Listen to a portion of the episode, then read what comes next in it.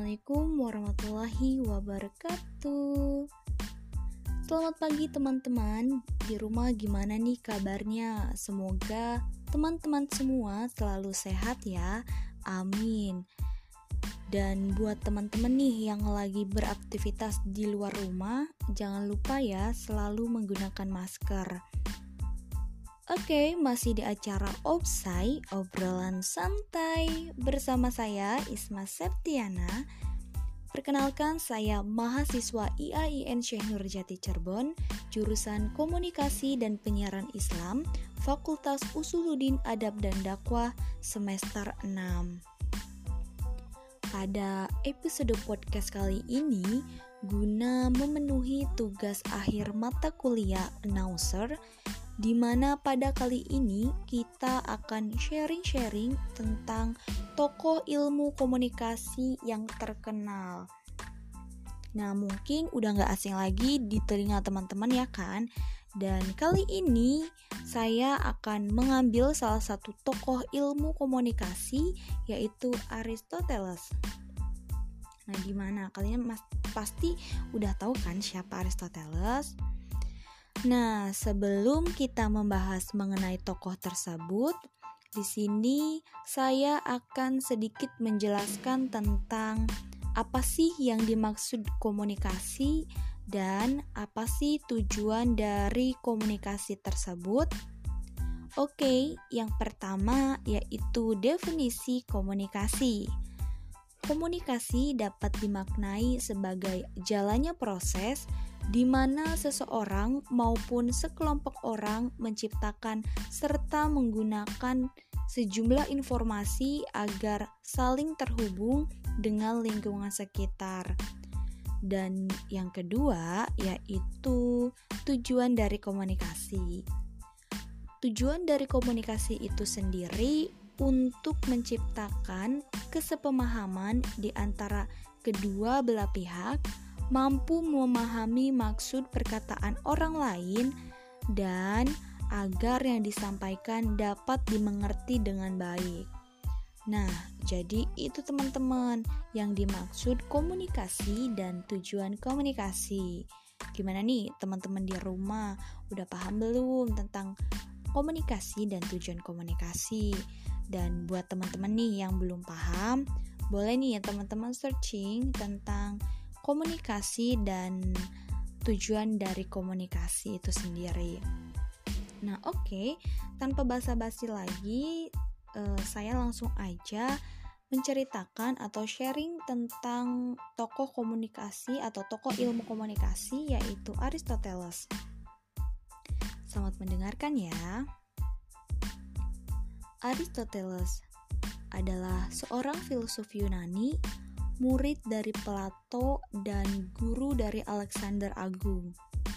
Ia menulis tentang berbagai subjek yang berbeda, termasuk fisika, metafisika, puisi, logika, retorika, politik, pemerintahan, etnis, biologi, dan zoologi. Bersama dengan Socrates dan Plato, ia dianggap menjadi seorang di antara tiga orang filsuf yang paling berpengaruh di pemikiran Barat. Aristoteles lahir di Stragia, kota wilayah Chalcidice, Tracia, Yunani, yang dahulunya termasuk wilayah Makedonia Tengah. Tahun 384 sebelum Masehi. Ayahnya adalah tabib pribadi Raja Amtias dari Makedonia. Pada usia 17 tahun, uh, Aristoteles menjadi murid Plato. Belakangan, ia meningkat menjadi guru di Akademi Plato di Athena selama 20 tahun. Wow, cukup lama ya dan Aristoteles meninggalkan akademi tersebut setelah Plato meninggal dan menjadi guru bagi Alexander dari Me dari Makedonia. Saat Alexander berkuasa pada tahun 336 sebelum Masehi, ia kembali ke Athena dengan dukungan dan bantuan dari Alexander. Ia kemudian mendirikan akademinya sendiri yang diberi nama Lyceum yang dipimpinnya sampai tahun 323 sebelum Masehi. Perubahan politik seiring jatuhnya Alexander menjadikan dirinya harus kembali eh harus ia harus kembali kabur dari Athena guna menghindari nasib naas sebagaimana dulu pernah dialami Socrates. Aristoteles meninggal tak lama setelah pengungsian tersebut. Aristoteles sangat menekankan empirisme untuk menekankan pengetahuan. Filsafat Aristoteles berkembang dalam tiga tahapan. Yang pertama, ketika dia masih belajar di Akademi Plato, ketika gagasannya masih dekat dengan gurunya tersebut dan kemudian ketika dia mengungsi dan terakhir pada waktu itu memimpin Lexium mencakup enam karya tulisannya yang membahas masalah logika yang dianggap sebagai karya-karyanya yang paling penting. Selain kontribusinya di bidang metafisika, fisika, etika, politik, ilmu kedokteran, ilmu alam, dan karya seni. Di bidang ilmu alam, ia merupakan orang pertama yang mengumpulkan dan mengklasifikasikan spesies-spesies biologi secara sistematis. Karyanya ini menggambarkan kecenderungannya akan analisis kritis dan pencarian terhadap hukum alam dan keseimbangan pada alam berlawanan dengan Plato yang menyatakan teori tentang bentuk-bentuk ideal benda, Aristoteles menjelaskan bahwa materi tidak mungkin tanpa bentuk karena ia ada. Pemikiran lainnya adalah tentang gerak, di mana dikatakan semua benda bergerak menuju satu tujuan. Sebuah pendapat yang dikatakan bercorak teologis karena benda tidak dapat bergerak dengan sendirinya, maka harus ada penggerak di mana penggerak itu yang harus mempunyai penggerak lainnya hingga tiba pada penggerak pertama yang tak bergerak yang kemudian disebut dengan teos yaitu yang dalam pengertian bahasa Yunani sekarang dianggap berarti Tuhan. Logika Aristoteles adalah suatu sistem berpikir deduktif yang bahkan sampai saat ini masih dianggap sebagai dasar dari setiap pelajaran tentang logika formal. Meskipun demikian, dalam penelitian ilmiahnya, ia menyadari pula pentingnya observasi, eksperimen, dan berpikir induktif atau inductive thinking.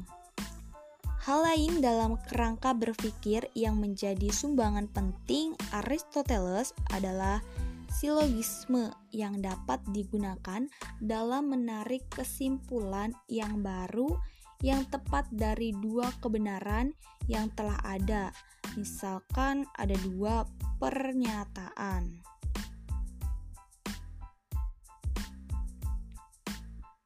Setiap manusia pasti akan mati. Socrates adalah manusia, maka dapat ditarik kesimpulan bahwa Socrates pada pasti akan mati.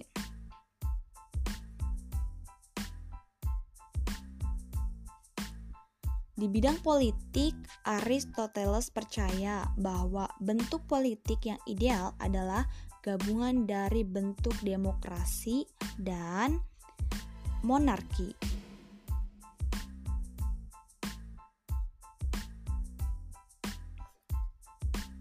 Karena luasnya lingkup karya-karya dari Aristoteles, maka dapatlah ia dianggap berkontribusi dengan skala ensiklopedia di mana kontribusinya melingkupi bidang-bidang yang sangat beragam sekali, seperti fisika, astronomi, biologi, psikologi, metafisika, misalnya studi tentang prinsip-prinsip awal, mula, dan ide-ide dasar tentang alam.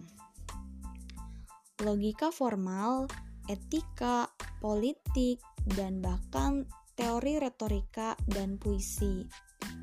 Di bidang seni, Aristoteles membuat pandangannya tentang keindahan dalam buku Poetik Aristoteles sangat menekankan empirisme untuk menekankan pengetahuan. Ia mengatakan bahwa pengetahuan dibangun atas dasar pengamatan dan penglihatan. Dan menurut Aristoteles, keindahan menyangkut keseimbangan ukuran, yakni ukuran material.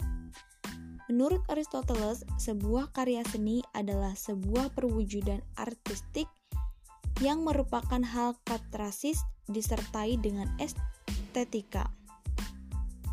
Katarsis adalah pengungkapan kumpulan perasaan yang dicurahkan keluar. Kumpulan perasaan itu disertai dorongan normatif. Dorongan normatif yang dimaksud adalah dorongan yang akhirnya memberi wujud itu memberi wujud khusus pada perasaan tersebut dan wujud itu ditiru dari apa yang ada di dalam kenyataan. Aristoteles juga mendefinisikan pengertian sejarah yaitu sejarah merupakan satu sistem yang meneliti suatu kejadian sejak awal dan tersusun dalam bentuk kronologi. Pada masa yang sama, menurut dia juga sejarah adalah peristiwa masa lalu yang mempunyai catatan, record-record, atau bukti-bukti yang konkret. Meskipun sebagian besar ilmu pengetahuannya dikembangkannya terasa lebih merupakan penjelasan dari hal-hal masuk akal, banyak loh teori-teorinya yang bertambah bertahan bahkan hampir selama 2000 tahun lamanya. Wow, cukup lama ya. Hal ini terjadi karena teori-teori tersebut dianggap masuk akal dan sesuai dengan pemikiran masyarakat pada umumnya. Meskipun kemudian ternyata bahwa teori-teori tersebut salah total karena didasarkan pada asumsi-asumsi yang keliru dapat dikatakan bahwa pemikiran Aristoteles sangat berpengaruh pada pemikiran Barat dan pemikiran keagamaan lain pada umumnya. Penyelarasan pemikiran Aristoteles dengan teologi Kristiani dilakukan oleh Santoso Thomas Aquinas pada abad ke-13 dengan teologi Yahudi oleh Maimonides pada tahun 1135 sampai dengan 1204 dan dengan teologi Islam oleh Ibnu Rashid pada tahun 1126 sampai dengan 1198. Bagi manusia abad pertengahan, Aristoteles tidak saja dianggap sebagai sumber yang otoritatif terhadap logika dan metafisika, melainkan juga dianggap sebagai sumber utama dari ilmu pengetahuan atau the master of thoughts book now sebagaimana yang kemudian dikatakan oleh Dead Alighieri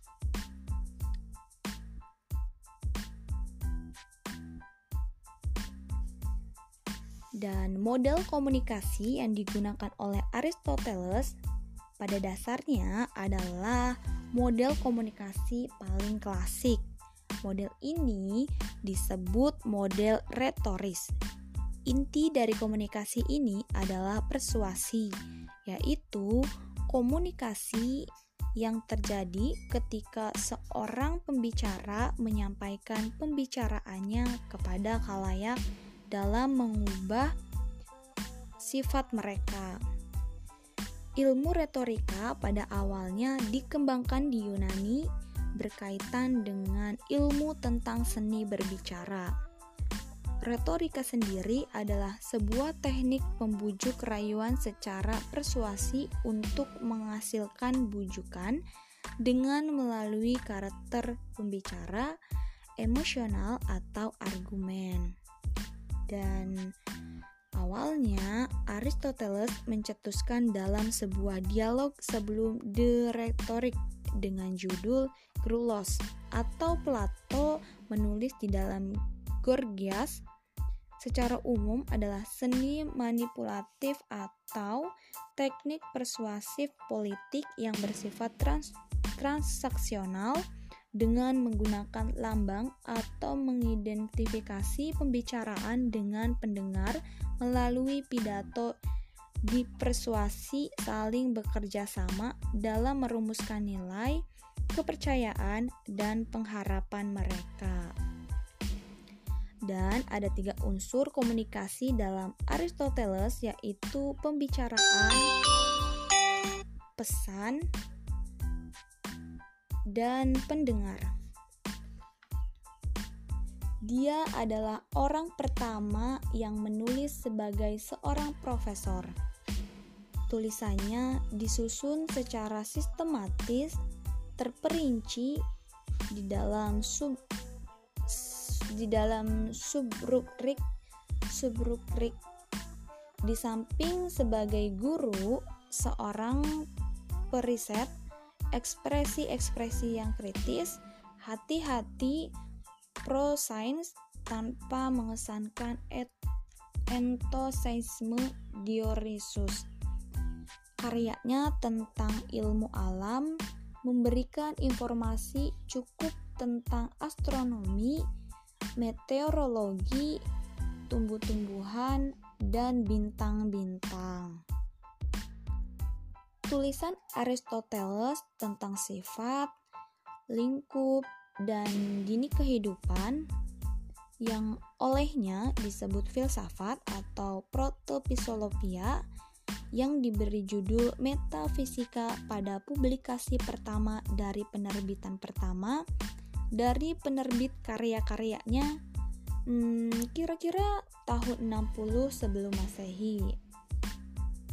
Pada penerbitan pertama itu juga termasuk karya Aristoteles fisika yang dipersembahkan untuk anaknya Nikomaikus. Dia tampilkan karya tentang etika yang olehnya diberi judul ketika Nikomaken karya-karya Aristoteles yang lain termasuk retorika, poesi, dan politik. Di antara karyanya yang dikenal adalah anganan atau logika, priar analitis, pasteria analitik, dan lain sebagainya. Nah, dari karya-karyanya dapat diketahui tentang pandangan-pandangan dia tentang beberapa persoalan filsafat.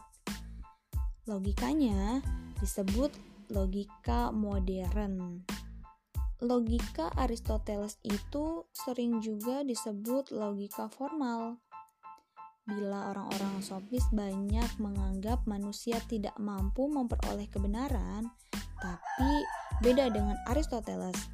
Aristoteles dalam metapolisik kebenaran dari eh, kebenar Aristoteles beda dengan Aristoteles yaitu Aristoteles dalam metafisik menyatakan bahwa manusia dapat mencapai kebenaran.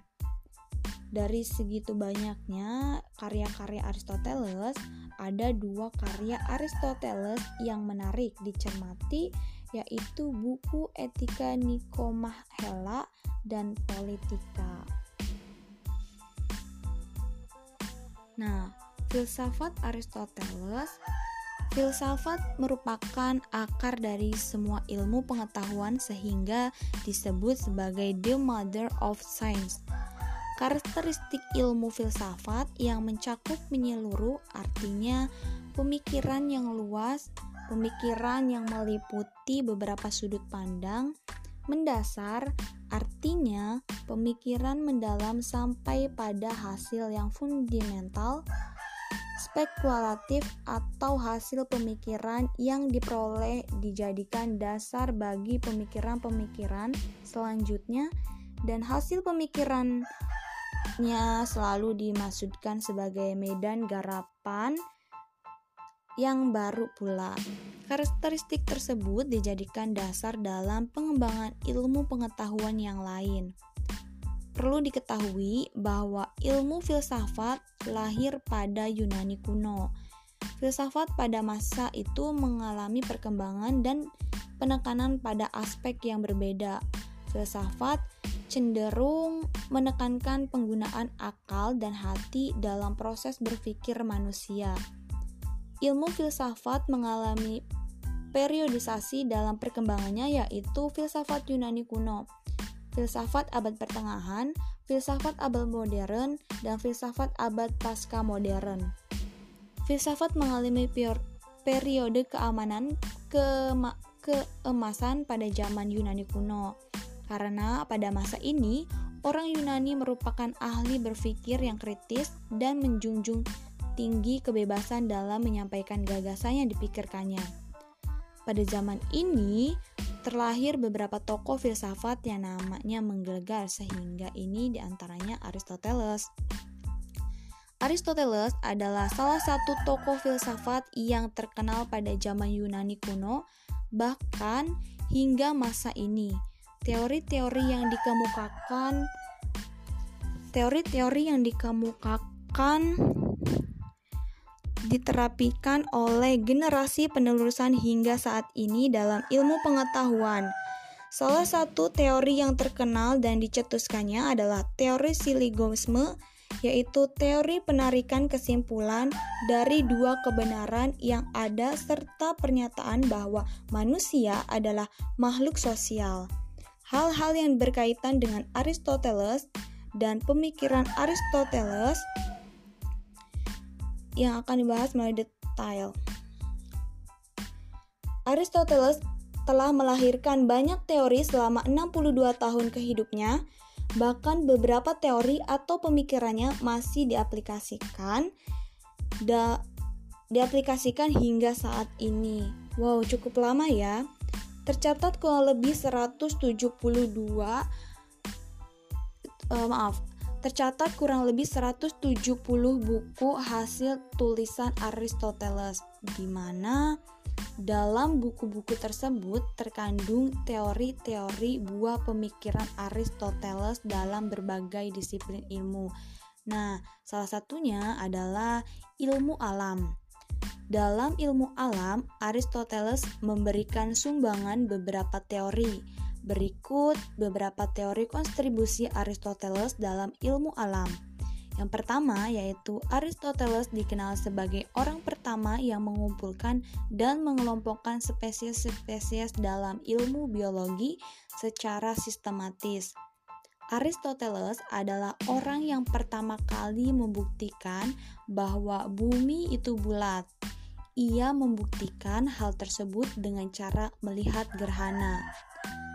Aristoteles menulis tentang astronomi, zoologi, embriologi, geografi, geologi, fisika, anatomi, fisiologi, dan hampir tiap karyanya dikenal di masa Yunani purba. Aristoteles menyampaikan teori yang bertentangan dengan Plato. Ia menyampaikan bahwa semua benda bergerak menuju satu tujuan dan benda itu harus ada penggeraknya yaitu Toes atau Tuhan. Teori yang disampaikan oleh Aristoteles ini mengandung unsur teologis atau ketuhanan. Selanjutnya yaitu filsafat. Sebagai bapak ilmu pengetahuan sekaligus filsufus, fil, filosof yang ternama pada masa itu, Aristoteles banyak sekali mengemukakan teori-teori mengenal filsafat. Menurut Aristoteles, filsafat adalah ilmu yang meliputi kebenaran yang terkandung di dalamnya. Ilmu-ilmu metafisika, logika, etika, ekonomi, politik, dan estetika. Dan berikut adalah teori-teori yang disampaikan oleh Aristoteles mengenai filsafat. Aristoteles mengklasifikasikan filsafat menjadi beberapa bagian yaitu satu, logika yaitu tentang bentuk susunan pikiran. Yang kedua, filosofia teoritika dan yang ketiga, filosofia praktika tentang hidup kesusilaan. Dan yang keempat yaitu filosofia poetika Aristoteles menegaskan bahwa ada dua cara untuk mendapatkan kesimpulan demi memperoleh pengetahuan dan kebenaran baru, yaitu metode rasional deduktif dan metode empiris induktif. Dalam metode rasional deduktif, dari premis dua pernyataan yang benar dibuat konstruksi yang berupa pernyataan ketiga yang mengandung unsur-unsur dalam kedua premis itu.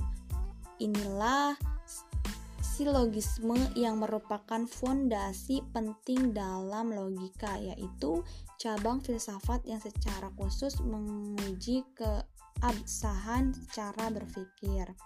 Nah, contoh silogisme dalam Aristoteles yaitu semua binatang mamalia pasti menyusui silogisme sering kita temui dalam pelajaran bahasa Indonesia ya teman-teman. Selain teoritis silogisme, Aristoteles juga mengemukakan mengenai teori hilemorfisisme berdasarkan kata Yunani haile dan morphe. Teori ini menyatakan bahwa bila manusia mati dapat disimpulkan, maka jiwanya pun mati Aristoteles pula yang menyatakan bahwa manusia adalah makhluk sosial, di mana manusia tidak dapat hidup sendiri. Manusia saling membutuhkan satu sama lain. Pernyataan ini terus diterapkan oleh manusia hingga saat ini.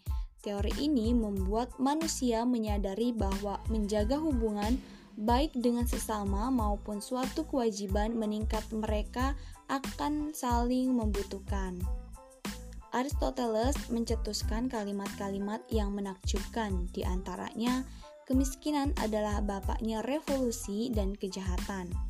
Dan kalimat barang siapa yang sudah merenungi dalam-dalam seni memerintah manusia pasti akan pasti yakin bahwa nasib sesuatu imperium tergantung pada pendidikan anak-anak muda.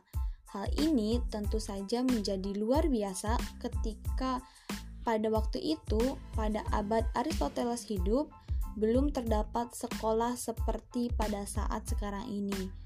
Begitu hebatnya pemikiran Aristoteles hingga apa yang belum ada pada masanya ternyata ia cetuskan hingga dapat dibuktikan pada masa sekarang. Dalam ilmu politik, Aristoteles menyampaikan teorinya bahwa sistem pemerintahan yang ideal merupakan gabungan dari sistem pemerintahan demokrasi dan monarki. Aristoteles menuangkan pemikirannya mengenai seni dengan menulis sebuah buku berjudul Poetika. Ia mengemukakan bahwa pengetahuan dibangun dari pengamatan dan penglihatan. Dalam dan penglihatan. Menurut Aristoteles, keindahan menyangkut keseimbangan ukuran yakni ukuran mental. Menurut Aristoteles, sebuah karya seni adalah sebuah perwujudan artistik yang merupakan hasil cataris disertai dengan estetika. Catarsis adalah pengumpulan-kumpulan perasaan yang dicurahkan keluar kumpulan perasaan itu sendiri didorong normatif. Dorongan normatif yang dimaksud adalah dorongan yang akhirnya memberi wujud khusus pada perasaan tersebut. Wujud itu ditiru dari apa yang ada di dalam kenyataan. Nah, jadi itu teman-teman sekilas tentang Aristoteles. Gimana nih ya teman-teman semua? Mungkin udah banyak yang tahu kan tentang uh, Aristoteles. Nah, itu dia sedikit dari saya tentang Aristoteles. Nah, sekian podcast saya hari ini. Wassalamualaikum warahmatullahi wabarakatuh.